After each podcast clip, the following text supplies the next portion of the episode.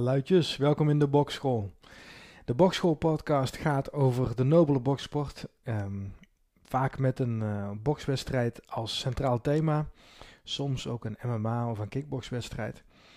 Um, dat kan een wedstrijd uit het verleden zijn, dus een klassieker zoals Ali Frazier of Tyson, Holyfield, dat soort wedstrijden. Die de moeite waard zijn om nog eens opnieuw te bekijken, te bespreken. Um, het kunnen recente wedstrijden zijn in zowel de UFC als uh, de bokswereld. Of, zoals we vandaag gaan doen, kijken we vooruit naar een wedstrijd die eraan zit te komen. Zoals de wedstrijd die op de Cinco de Mayo, op 5 mei, een Mexicaanse feestdag, uh, gehouden zal worden tegen, uh, tussen Canelo Alvarez en Billy Joe Saunders, de Engelsman. En dat is, dat is een bijzondere wedstrijd. Uh, Canelo tegen Sanders. Dat gaat een uh, bijzondere matchup worden qua stijlen. Um, ook qua clash tussen persoonlijkheden zou je kunnen zeggen. Um, dus de moeite waard om vandaag eens te bespreken. En dat wil ik eigenlijk doen aan de hand van twee wedstrijden die beide boxers onlangs hebben gehad. Um, zeer onlangs Canelo tegen Yildirim. Twee weken geleden, misschien heb je er wat van gezien. De wedstrijd zelf of de highlights. Um, was een interessante wedstrijd. Uh, Canelo was uh, zwaar overmatched eigenlijk met, uh, met Yildirim. Yildirim die, had eigenlijk geen plek in de ring die avond tegen Canelo. Um, dat was de veel betere bokser, bleek. Yildirim stond in een hoge dekking. dus de dekking niet eens aan de kin kaaklijn, maar echt bij zijn jukbeenderen. Dus de hoge, de hoge dichte dekking. Um, en was eigenlijk alleen maar aan het verdedigen voor de rondes die hij wist te overleven tegen Canelo, voordat hij uiteindelijk knock-out geslagen werd. Dus die wedstrijd, um, uh, dat, is een, dat, was eigenlijk de voorzet voor de, de aankondiging van um, de, de pot tegen Sanders binnenkort dus. En om Billy Joe Sanders wat verder te bespreken, licht ik de wedstrijd tegen Chris Eubank Jr. graag uit. Um, dat is toch wel de highest profile fight geweest. Hè? Dus de, het gevecht met de meeste, de meeste rumoer eromheen, zeg maar, van Chris Eubank. Of uh, sorry, van uh, um, Billy Joe Saunders. Um, tegen Chris Eubank Jr. dus. Dus het is ook aardig om die eens te bekijken. En te kijken van ja, wat, wat kunnen we daar nou van leren van die twee wedstrijden? Wat mogen we dan verwachten straks op Cinco de Mayo, 5 mei?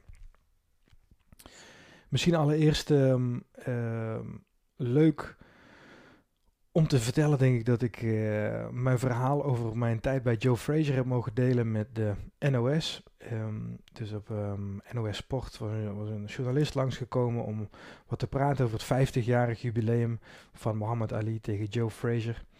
Um, de eerste wedstrijd, the fight of the century. Nou, ik heb al heel veel, heel veel tijd besteed aan het bespreken van die wedstrijd uh, in eerdere podcasts. Vind het leuk om daar eens uh, nog wat meer over te horen dan Zoek vooral even naar de Fraser tegen Ali uh, uh, podcast in de, de boxschool bibliotheek. Want we, we zitten alweer, we gaan richting de 40 uh, eh, episodes nu. En dan ga je daar zeker meer over kunnen horen. Want als ik daar nu over begin, dan ben ik, nou, ben ik weer een paar uur verder voordat ik daarmee uh, klaar ben met daarover praten. Ik kan erover blijven praten, over uh, die wedstrijd en over die, uh, die helden in die, ehm, in die wedstrijd, Ali en Fraser. Maar heel leuk dat ik mijn verhaal mocht doen op deze bijzondere dag, zo 50 jaar na de Fight of the Century, 8 maart 1971. Um, misschien even kort, en dat kwam uit, niet helemaal uit dat stukje naar voren, vond ik, maar waar het mij vooral om ging, um, en waarom het ook leuk is dat ik dat even heb mogen aanraken zo in de Nederlandse media, waar het me vooral om ging is dat Joe Frazier een legit heavyweight champion was. Dus hij was echt legitiem. Het was niet alleen maar een uh, bump in the road voor Ali. Um, niet iets waar je zomaar even um, ja, overheen walst of eventjes aan voorbij gaat. Eigenlijk beter gezegd. Hè. In de mainstream media in Nederland gaat toch um, vooral uit van dat Ali uh, niet goed voorbereid was. En dat, uh, dat het gewoon even een slechte dag was voor, voor Ali. En dat hij daarna snel weer, uh, weer won van Fraser. Nee, zo was het niet. Ali had, had Fraser weggezet als een rassenverrader eigenlijk, hè, als een Uncle Tom. Um, wat, wat echt een hele grove belediging is voor een zwarte man om um, een andere zwarte man een rassenverrader te noemen. Vooral in die tijd waarin de segregation, de rassenscheiding, ja, het was gewoon elke dag volop aanwezig nog. En dan iemand die letterlijk van de plantagevelden afkomt, Joe Fraser, vanaf zijn, ja, volgens mij vanaf dat hij kon lopen, heeft hij op het land gewerkt, op voormalige slavernijplantages. Um, iemand die zo in die zwarte cultuur echt maar opgegroeid is en zichzelf omhoog geknokt heeft, om die dan uh, zo naar beneden te trappen in de promotie uh, voor, die, uh, voor het eerste gevecht. Dat is wat Ali heeft gedaan met Fraser in die tijd. Dat, is, dat was echt een, duister, ehm, een eh, duistere periode in het leven van Ali. En ik vind dat mag gewoon benoemd worden voor wat het is, zonder dat Ali daardoor minder iconisch wordt of zo. Hoor. Want Ali was voor mij de reden dat ik uh, ben gaan boksen. Dat is, het voor, dat is hij voor veel mensen. Um, en um, dan zal hij ook altijd, ja, maar zal altijd dat icoon wel blijven. Alleen hij heeft een periode in zijn leven gehad waar hij gewoon heel erg uh, ja, bitter was en heel hard was, zeg maar. Tegen, um, of ik moet eigenlijk niet zeggen tegen witte mensen, maar vooral voor zwarte mensen. Dus ik begrijp het ook in, in, die, uh, in die tijd. Maar wat hij, uh, wat hij heeft gezegd tegen Fraser, dat zorgde ervoor dat Fraser doodsbedreigingen kreeg. En dat hij, uh, zijn gezin werd aangevallen. Dat, um, dat als Joe Fraser als trotse zwarte man een arena binnenkwam, dat, hij, dat er boel geroepen werd, dat hij uitgejoeld werd voor Uncle Tom. En dat, moet dat heeft door zijn hart, dat heeft zijn hart verscheurd, zeg maar. Dat heeft hem echt als, een, als een dolk in zijn rug, zeg maar, heeft hem dat geraakt. En dat heeft ervoor gezorgd dat Fraser, als je aan mij vraagt, dat Fraser heeft gewonnen. Heeft ervoor gezorgd dat hij die avond van niemand op de wereld had kunnen verliezen in zijn beleving. Dat hij, had, dat hij liever uh, was gestorven in de ring, zeg maar, dan, dan verliezen die avond. En en dat hele verhaal daar, daaromheen, dat vraagt eigenlijk om een genuanceerde kijk naar de fight of the century. Dat vraagt om uh, niet alleen het, het beeld van een held en een tegenstander, of een held en een, uh, en een vijand, good guy, bad guy, um, maar een meer genuanceerd uh, beeld waarin eigenlijk de good guy voor dat moment eigenlijk de bad guy was. Want Ali, dat, het was gewoon, het was echt wel een slecht iets wat hij toen had gedaan. Um, later is hij erop teruggekomen, heeft hij zijn excuses aangeboden aan Marvis in ieder geval, hè, de zoon van Joe, niet aan Joe zelf.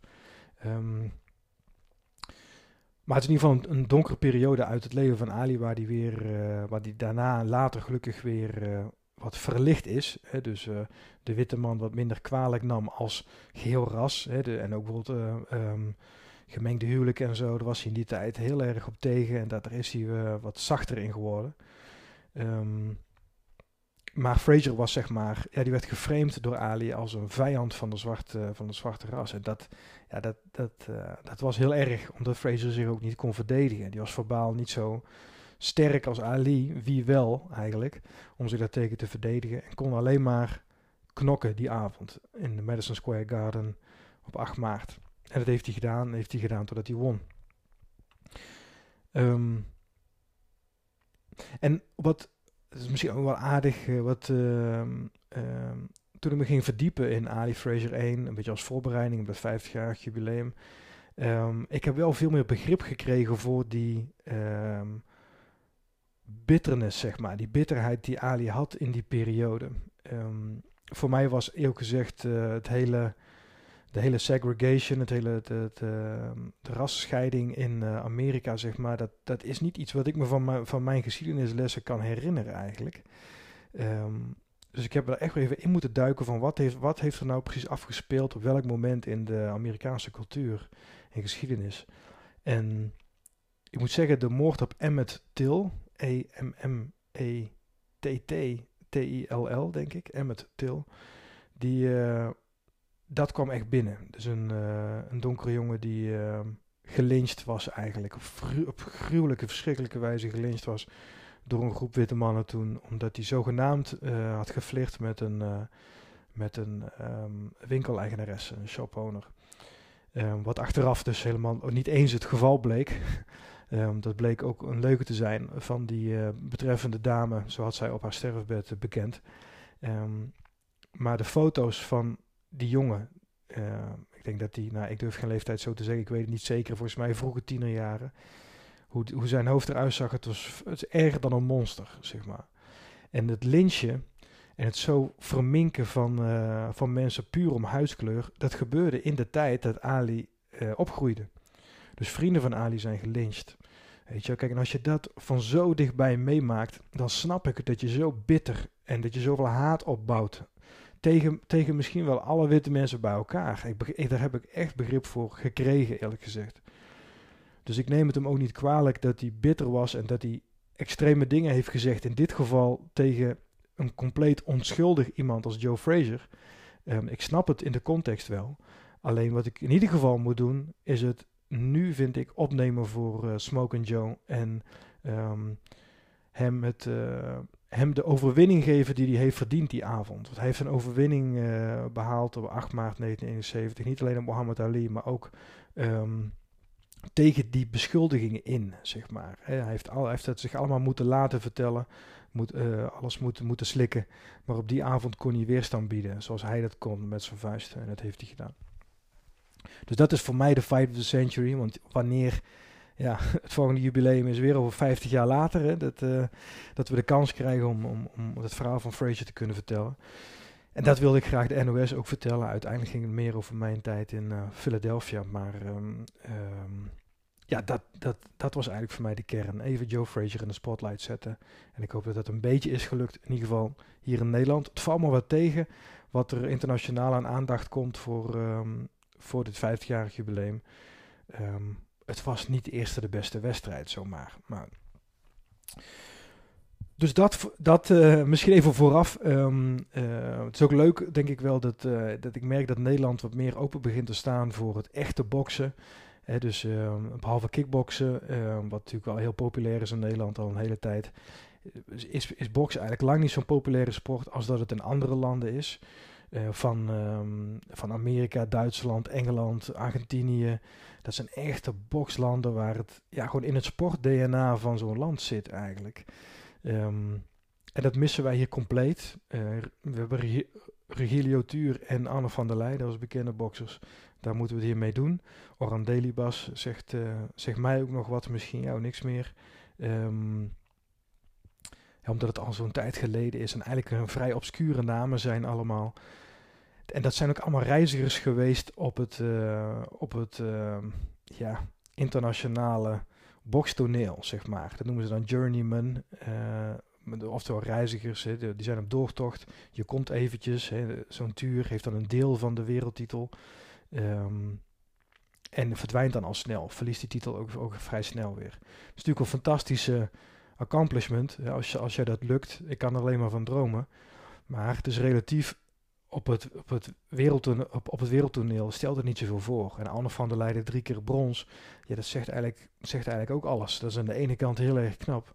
Maar aan de andere, kant, voor drie keer brons wordt niemand uh, herdacht, zeg maar. Hè. Er wordt uh, met een 50-jarig jubileum van de, van de bronzen plak van Anne van der Leijden... zal er niemand uh, opstaan, denk ik.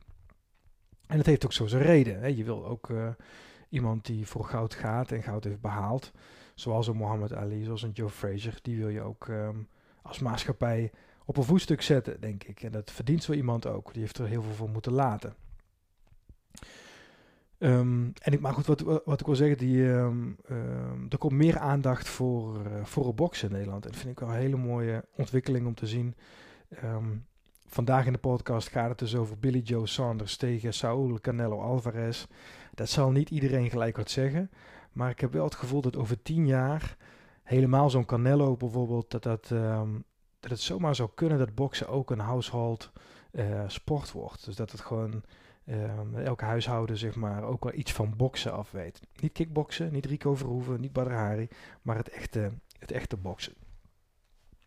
Heeft denk ik ook wel wat mee te maken dat de UFC, eh, MMA, zo in opkomst is al een hele tijd. En dat boksen eigenlijk wel nu het, uh, milde, het milde broertje is geworden, zeg maar, van die nog veel grovere sport, uh, MMA. He, want ellebogen tegen je hersens aan als je op de grond ligt en uh, ligt te stikken in het bloed, zeg maar, in je eigen bloed. Um, dat is natuurlijk veel extremer dan um, um, een genadige acht tellen krijgen op het moment dat je aangeslagen bent in een bokswedstrijd. He, met 12 ounce of 10 ounce handschoenen, relatief dikke handschoenen zijn dat. En dan die kleine handschoentjes van het MMA. Ehm, en een scheenbeen tegen je, tegen je gezicht aan, zeg maar. Dat zit helemaal geen padding tussen natuurlijk.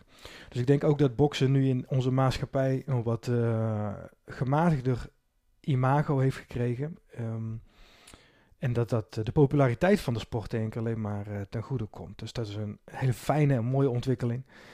waarvan ik hoop dat jij ook een onderdeel bent. Dus je luistert nu naar deze podcast, dat betekent eigenlijk al dat je bij de niche hoort van, uh, van Nederlandse sportliefhebbers die zich uh, specifiek in die, uh, ja, denk ik, Amerikaanse boxbeleving interesseren. Als je er een keer induikt in dat rabbit hole, dan kom je er nooit meer uit, denk ik. Dus er is dus zo'n rijke historie te vinden. Um, dus dat, dat, daar praat ik graag met je over. Um, dan over van de verre historie naar de iets meer recente historie. Canelo tegen Yildirim, uh, die wedstrijd is twee weken geleden. Ja, misschien kort daarover. Wat, wat me opviel is dat, um, dat uh, Canelo eigenlijk heel goed wist om te gaan met een hele dichte dekking van Yildirim. Als iemand um, met zijn dekking hoog staat, hè, bijvoorbeeld, dat is een, eigenlijk een typisch Duitse stijl. Die Yildirim heeft ook uh, ja, Duitse trainingsroutes, zou je kunnen zeggen. Dat herken je heel duidelijk in zijn stijl.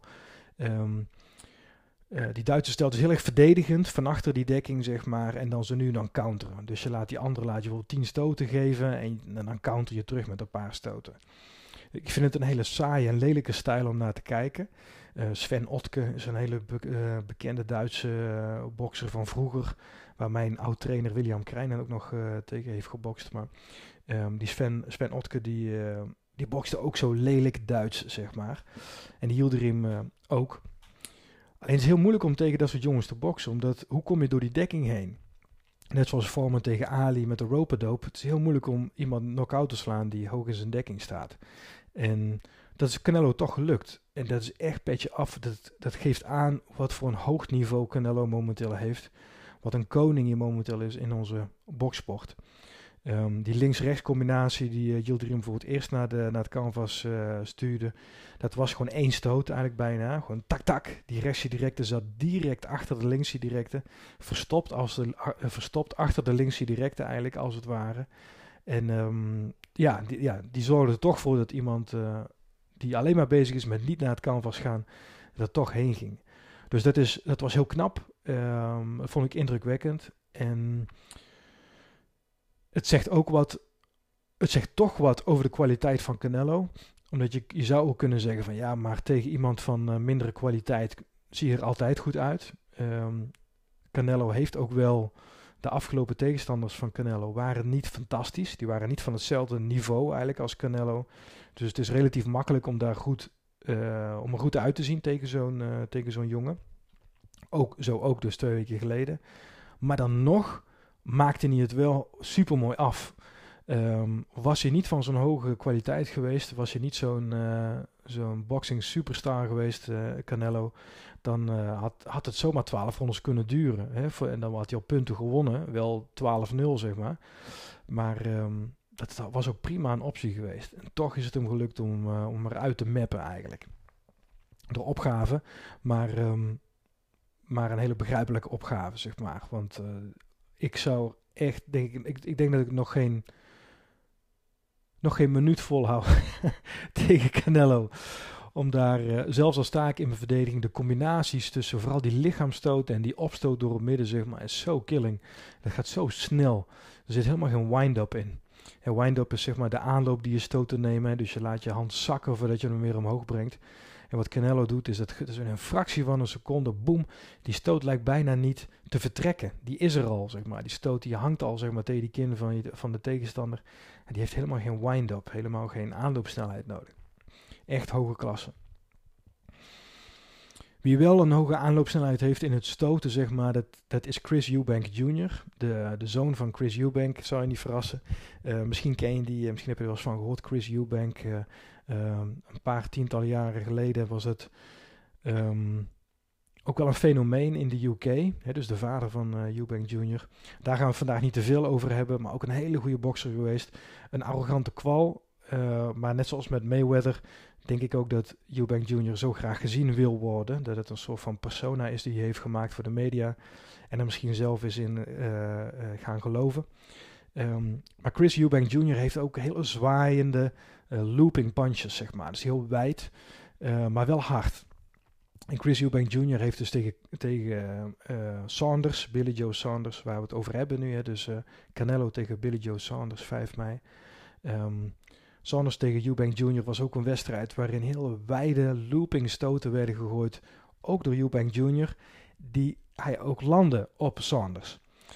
En dat maakt me, dat maakt me een beetje zorgen. Dat, dat geeft me uh, zorgen zeg maar, voor de wedstrijd tegen Canelo. Want Canelo heeft dus helemaal geen wind-up. En als Sanders al geraakt wordt door de wijde stoten van Eubank Jr., dan vraag ik me af of Sanders ook de, de korte stoten van Canelo kan weerstaan. Ik denk het niet, eerlijk gezegd. Eubank Jr. stoot wel hard. Um, ik heb uh, een paar jaar geleden toen met Painboxer uh, was ik uitgenodigd door de BBC. De, de One Show heette die, heette die show. En daar mocht ik dan een, ehm, ja, zo'n zo'n boxwerk zeg maar, in elkaar stoten op het BBC-terrein. En Chris Eubank en zijn zoon Chris Eubank Jr. werden uitgenodigd om daar ook aan deel te nemen, aan die verfsessie, zeg maar. En toen mocht ik de zak vasthouden op een gegeven moment. En Eubank Jr. Uh, ja, die ging dan mappen.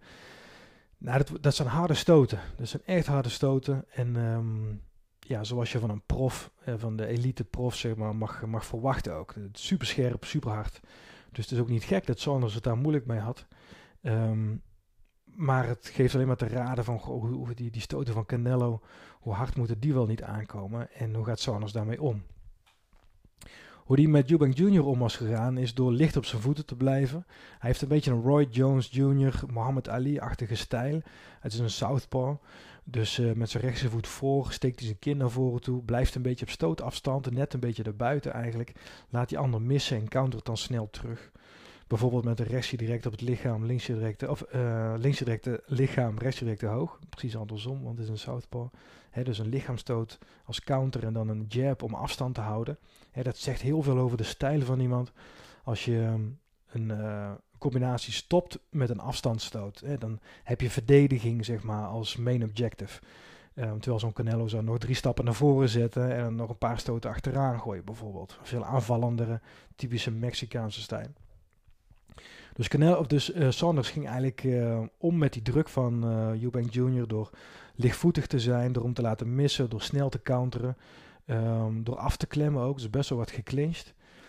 Um, Sanders won die wedstrijd tegen Eubank Jr. Uh, dus, dus, misschien de moeite waard om de highlights terug te kijken. Ik zou de, hele wedstrijd, als je tijd hebt uh, en in de lockdown zit en je hebt niks te doen, dan zet hem rustig op. Maar dan zou ik eerder kiezen voor uh, een goede Canelo-pot van een tijd geleden bijvoorbeeld. Um, tegen Miguel Cotto bijvoorbeeld, ook een mooie wedstrijd. Maar Sanders won hem niet, won niet met een brede marge van, uh, van uh, Eubank Jr. Is ook wel een beetje hakken over de sloot. Dus de wedstrijd op Cinco de Mayo tegen Canelo en Saunders is vooral interessant, denk ik, omdat Saunders ongeslagen is. Dat zegt wat over iemands niveau. Ook ongeslagen tegen andere kampioenen, zoals van Eubank Jr. Um, heeft hij toch weten te verslaan. Het, is, het, is, dat, hij is ongeslagen en het is een character. Het is echt een aparte vent. De, de, volgens mij de beste maat van Tyson Fury. Het zijn alle twee gypsies, zigeuners. En hebben, hebben leuke filmpjes samen. Je moet maar eens op YouTube kijken. Uh, Tyson Fury en uh, Billy Joe Saunders samen. Uh, maken ze de, beste grappen samen. Grappen tussen maten zijn vaak, zijn vaak het leukst. Um, dus het is vooral een hele grappige, leuke, charismatische jongen. Um, die veel media-hype gaat geven rondom, die, rondom dat Canelo-gevecht ik denk waar je Sanders nog een kans zou kunnen geven, of waar je een kans zou kunnen zien, is in de wedstrijd uh, tussen Mayweather en Canelo een hele tijd geleden. Mayweather heeft toen gewonnen van Canelo uh, met een, nou laten we zeggen, enigszins vergelijkbaar spel als wat Sanders doet. Hè. Dus verdediging eerst, snel bewegen, veel counteren. Maar allereerst is, Mayweather, is Sanders geen Mayweather. Um, en daarnaast is Canelo wel volwassen geworden inmiddels. Volgens mij was hij 23 of zo in die wedstrijd tegen Mayweather. En Canelo is nu wel echt een full-grown man geworden. Dus echt een man die tegenover uh, je staat. En um, ja, die laat zich niet zomaar um, uh, imponeren, denk ik. Of op, op verkeerde been zetten. Zoals, uh, zoals toen met Mayweather gebeurde. Maar daar zou nog een lichtpuntje van hoop, zeg maar, voor Saunders in kunnen zitten. Dat Canelo eerder verslagen is door een elusive, hè, dus door een moeilijk te raken, verdedigend, uh, slimme, uh, bewegelijke bokser zoals Mayweather. De build-up, de, de hype zeg maar voorafgaand aan de wedstrijd, daar kijk ik misschien nog wel meer naar uit dan de wedstrijd zelf. Omdat ik dus verwacht eigenlijk dat Canelo um, nou, ik denk in de eerste helft van de wedstrijd al uh, korte metten gaan maken met, uh, met Saunders. Maar ik, ik, kijk uit naar de, uh, de pre-fight hype. misschien zijn er wel wat woordenwisselingen of zo. Het lijkt me mooi. aan de ene kant vind ik het mooi om te zien als twee boxers respect voor elkaar hebben voorafgaand aan de wedstrijd. Maar misschien wel net zoals jou vind ik het ook wel leuk als er wat een beetje mot is. Hè, als, als ze elkaar niet zo mogen. En Canelo heeft wel een hele hoog pride gehalte. Die is heel trots. Een heel trotse man typisch Mexicaans ook, dat uh, Latijns-Amerikaanse man. En ehm, als je die aanvalt met woorden, zeg maar, uh, volgens mij trekt hij dat heel slecht. Dus ik wil hem ook wel eens uh, in die situatie zien eigenlijk. Dat iemand hem echt aan het uitdagen is, zoals zo'n McGregor dat zo goed kan bijvoorbeeld of zo. Cinco de Mayo, Billy Joe Saunders tegen Saul Canelo Alvarez, een wedstrijd om naar uit te kijken. Um, andere wedstrijd die eraan zit te komen is Derek Chisora tegen Joseph Parker. Een zwaargewichtwedstrijd. Chisora is een, um, ik vind het een beetje de Joe Frazier van nu. Uh, hij kan er eigenlijk niet aan tippen hoor. Dat, um, hij heeft, um, volgens mij is hij, voor, is hij alleen een contender geweest tegen Vitaly Klitschko, Derek Chisora ooit. Dus dat het hoogste wat hij heeft uh, bereikt qua wereldtitels en zo. een aparte vent ook. Ik heb al eerder een wedstrijd uh, van hem besproken in de podcast. Maar Chisora tegen Parker, nou, dat moet toch wel ook wel een hele goede wedstrijd worden. Twee knokkers. Parker wel de bokser. Chisora middenslagger van de twee. Dus de Maier. Um, en dat gaat, ook wel, uh, dat gaat ook wel vuurwerk worden. Dus um, hou die ook in de gaten in, de, uh, in jouw boxagenda. Derek Chisora tegen Joseph Parker. Ook zeker de moeite waard om op zoals ik het kijk in ieder geval, de zondagochtend, uh, als die wedstrijd geweest is, uh, geweest is op internet terug te kijken. Uh, maar ik hoor ook wel verhalen van, van mensen die toch ook online, pay, online pay-per-views bestellen en dan op de avond zelf kijken. Nou is dat voor een UK-wedstrijd zoals Jazora Parker nog best te doen.